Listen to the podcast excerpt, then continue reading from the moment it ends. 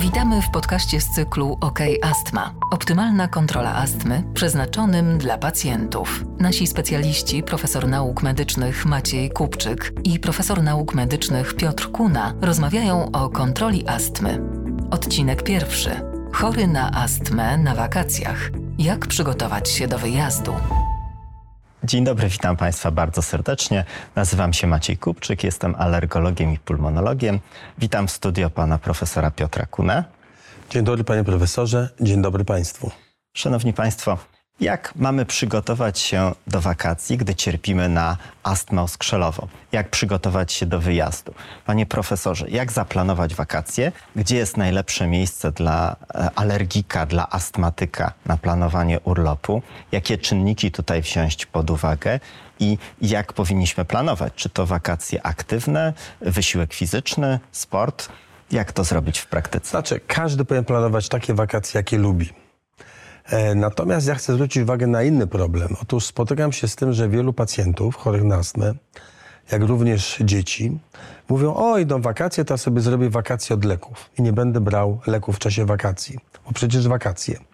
To jest wielki błąd, dlatego że potem te dzieci, czy ci ludzie wracają e, w sierpniu, na początku września do szkoły, do pracy. Zaczyna się sezon infekcyjny z infekcjami wirusowymi i nagle mamy wybuch zaostrzeń i pogorszenie astmy. Dlaczego? Dlatego, że przez te miesiące wakacyjne, które są bardzo złudne, pogoda jest bardziej stabilna, rzeczywiście czujemy się lepiej, ale niestety proces zapalny w drogach oddechowych cały czas się toczy. Jeżeli nie bierzemy leków, które kontrolują, hamują ten proces zapalny, to on po prostu narasta. I mamy na początku września ogromną skłonność do zaostrzenia astmy. Więc pierwsza rzecz, wybieramy się na wakacje tam, gdzie lubimy, czy to morze, czy wędrówki po górach. Wskazane są na pewno miejsca, gdzie jest łagodny, stabilny klimat. No tutaj idealnym klimatem jest klimat śródziemnomorski. Ale pamiętajmy o tym, że trafiamy do różnych hoteli.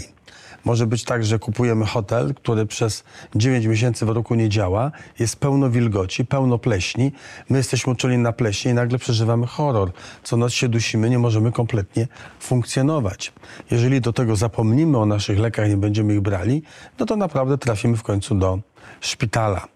A więc e, wybierajmy takie miejsca, gdzie wiemy, że mamy dobre warunki dla chorego na astmę, gdzie nie ma dużego stężenia alergenów, gdzie jest stabilna pogoda. Pamiętajmy o zabraniu leków ze sobą. No, proszę Państwa, no i ćwiczmy, ćwiczmy. Tak naprawdę pływajmy, cieszmy się życiem.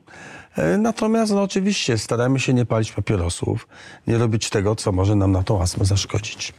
Czyli moi drodzy, proszę Państwa, nie robimy sobie wakacji od e, leczenia. Leczenie jest tutaj bardzo istotne.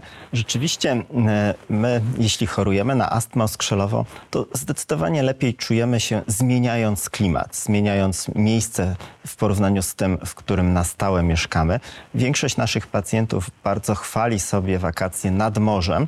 To jest taki rejon, gdzie zwykle mniejsze jest narażenie na pyłki, na zanieczyszczenie powietrza. Unikajmy również, to zarówno w okresie zimowym, szczególnie takich regionów, gdzie jest smog, gdzie jest wysokie zanieczyszczenie powietrza, to dla astmatyków jest również bardzo ważna wskazówka praktyczna. Tak pan profesor powiedział nam, rzeczywiście pacjenci skarżą się czasami po powrocie z wakacji. Unikajmy starszych budynków, które mogą mieć wysoki poziom alergenów, takich jak grzyby pleśniowe albo roztocze. Tak, starsze budynki, które na przykład nie były użytkowane przez cały rok, do których nagle jedziemy, to dla astmatyka, alergika może być bardzo istotne zagrożenie. Unikajmy tego rodzaju miejsc. Biorąc pod uwagę właśnie narażenie na alergeny, mamy dostępne na stronach internetowych raporty, jakie alergeny są teraz obecne w otoczeniu. Można to sprawdzić, śledźmy, unikajmy tych regionów, gdzie jest wysokie stężenie tych alergenów, które dla nas są niebezpieczne. Mamy też dostępne dzienniczki, które nam pokazują, jakie jest zagrożenie związane z narażeniem na alergeny. Czyli podsumowując te pierwsze zdania, warto pamiętać o kontynuacji leczenia. Zabieramy ze sobą leki, które są nam niezbędne do systematycznej terapii, ale pamiętajmy też o zadbaniu o leki ratunkowe czy leki niezbędne do intensyfikacji leczenia na wypadek zaostrzenia.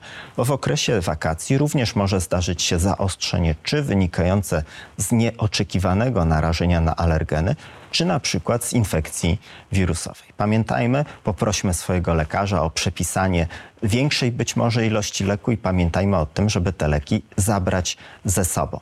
Mamy również dobry plan postępowania na wypadek utraty kontroli nad astmą, co zrobić w jakiej kolejności. Nie od razu musimy korzystać z pogotowia ratunkowego czy wizyty nieplanowanej w szpitalu.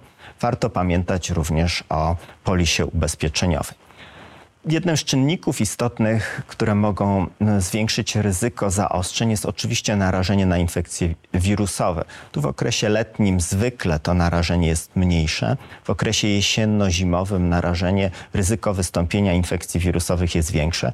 To, to punkt istotny, gdy myślimy o wakacjach zimowych. Chociaż obecnie w okresie pandemii COVID-19 to zmienność tych infekcji wirusowych jest tutaj nieoczekiwana. Pamiętajmy również o tym E, aspekcie i bądźmy przygotowani na zaostrzenie astmy oskrzelowej. Podsumowując, przyjmujemy leki zgodnie z zaleceniami.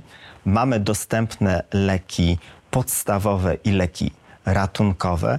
Zapewnijmy sobie dostęp do ilości leków, która będzie potrzebna na okres wakacji. E, korzystajmy z wakacji, cieszmy się życiem, uprawiajmy sport, pamiętajmy o szczepieniach i o higienie, gdy wyjeżdżamy gdzieś w dalsze rejony, żeby zmniejszyć ryzyko zakażeń wirusowych. Dziękujemy Państwu za uwagę. Dziękujemy, do widzenia.